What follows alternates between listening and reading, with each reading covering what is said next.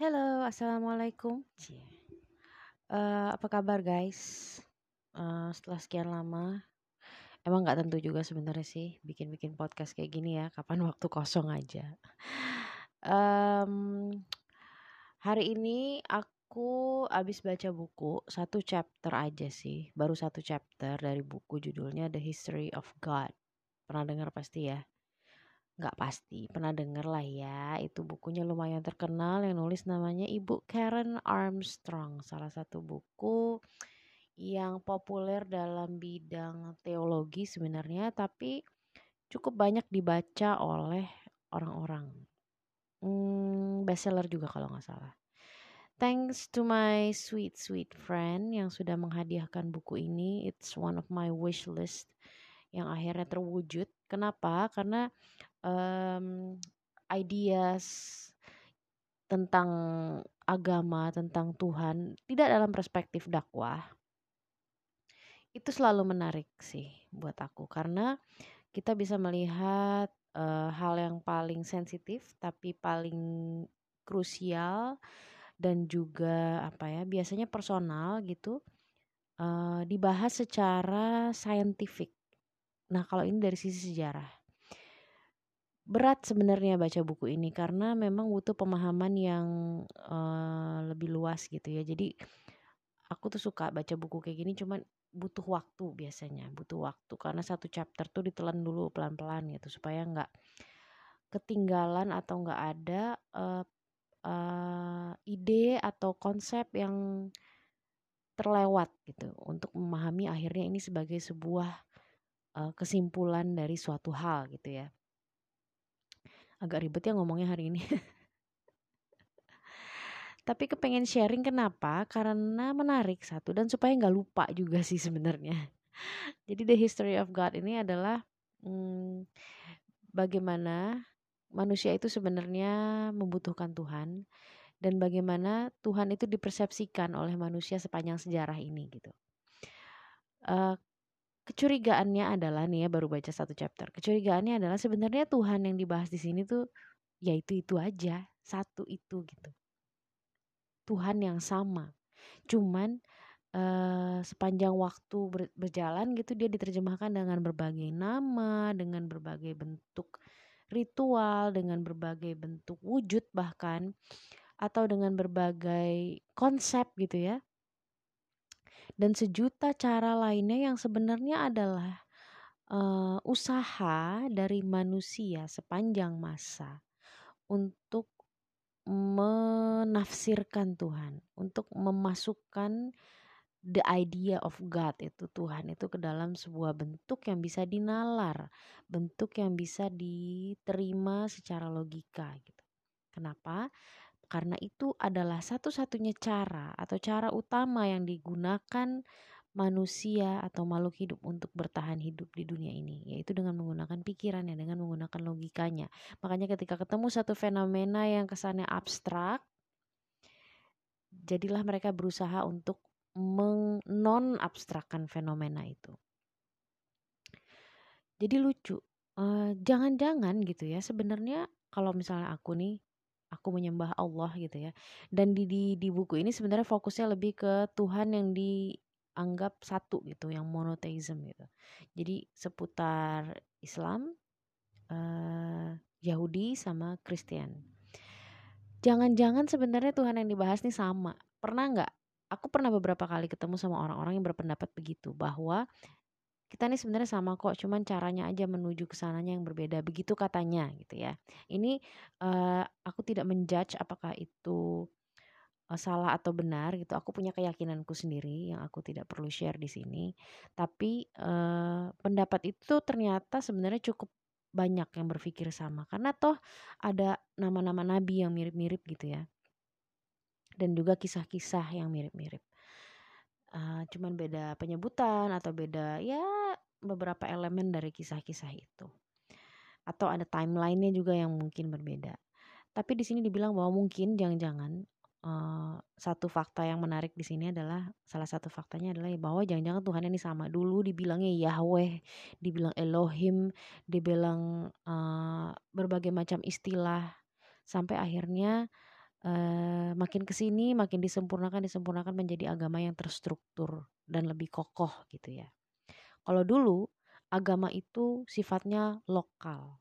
Satu daerah ini menyembah apa, satu daerah itu menyembah apa. Dan ketika kita datang ke daerah lain gitu kita harus menghormati Tuhannya dia di situ gitu.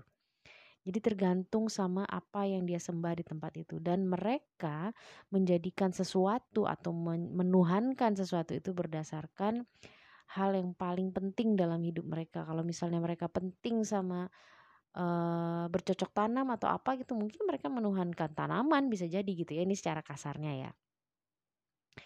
Atau uh, misalnya mereka menuhankan uh, cahaya matahari gitu ya karena matahari memberikan kehidupan menumbuhkan sawah-sawah mereka kalau nggak ada matahari kalau musim salju mereka jadi susah berarti Tuhan itu adalah si matahari ini yang telah memberikan kehidupan itu hal lain yang menarik bagi aku dari membaca first chapter dari buku ini adalah bahwa sebenarnya kalau dilihat sepanjang sejarah walaupun ada orang-orang yang memutuskan untuk tidak percaya dengan Tuhan Sebenarnya sepanjang sejarah manusia itu seolah butuh sesuatu untuk disembah.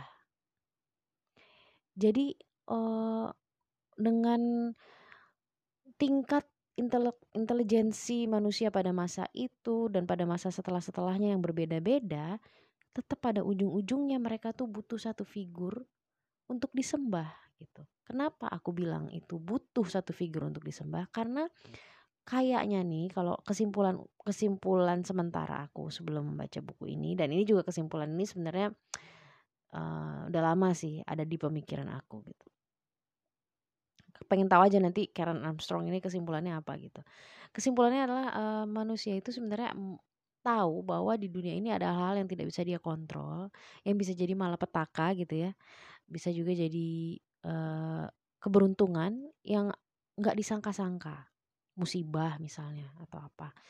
Nah itu kayak seolah-olah oke okay, ada hal-hal yang nggak bisa dikendalikan berarti ada dong yang mengendalikan. Nah supaya aku tidak tersakiti dengan musibah supaya aku tidak mungkin gimana ya caranya. Jadi mereka menyembah jadi mereka ada yang dalam bentuk pengorbanan, sacrifice, ada yang bentuk sajen lah ibaratnya gitu ya.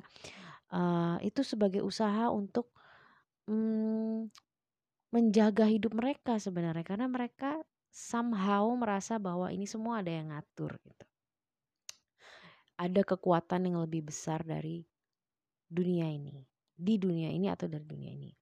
Awalnya agama itu semua dianggap sky god. Tuhan itu dianggap sky god. Tuhan yang ada di langit jauh gitu. Um, figurnya tuh tidak tidak dalam kehidupan sehari-harinya manusia gitu. Akhirnya mereka berusaha menginterpretasikan itu dalam uh, patung misalnya atau dalam berhala atau bahkan seperti sosok-sosok dewa-dewa Yunani gitu ya. Itu adalah bagaimana Tuhan itu bentuknya seperti manusia, dia bisa perang, dia bisa beranak, dia bisa menikah. Itu kan mendekatkan the idea of God itu dengan apa yang mereka tahu, apa yang mereka familiar with dalam hidup ini gitu. Apa yang mereka uh, akrab gitu di dunia ini tuh seperti ini di, ini cara hidup gue begini nih berarti uh, untuk menerjemahkan sesuatu yang abstrak ini uh, mereka berusaha menciptakan skenario-skenario untuk menjelaskan Tuhan itu apa. Menarik ya. Uh, in a way setuju banget bahwa manusia itu butuh bertuhan. Yang butuh manusia bukan Tuhannya. Imagine there's a power, ada kekuatan yang sebesar itu yang bisa membuat alam semesta, ini ide aku ya, ini persepsi aku. Yang bisa membuat alam semesta yang bisa menggerakkan berbagai hal yang menciptakan makhluk-makhluk dengan sedemikian kompleksitas uh, dan keajaiban seolah-olah yang nggak bisa ditiru sama manusia. Terus dia butuh gitu disembah sama makhluk-makhluknya gitu. Emangnya dia apa? Dia sekedar mengejar pride gitu? Kalau menurut aku kayaknya he's much bigger than that. Pasti lebih besar lebih besar dari itu. Nah yang butuh untuk menyembah itu sebenarnya justru makhluknya. Jadi menyembah ini tidak ada untungnya bagi bagi Tuhan atau bagi Allah gitu ya. Jadi dakwah deh. Enggak ini idea ini ini adalah idea. Tapi yang butuh itu adalah manusia supaya dia tahu bahwa dia tidak boleh jadi overpower dia tidak bisa jadi overpower dia selalu akan selalu ada langit di atas dia dan ada hal-hal yang tidak akan pernah bisa dia kontrol.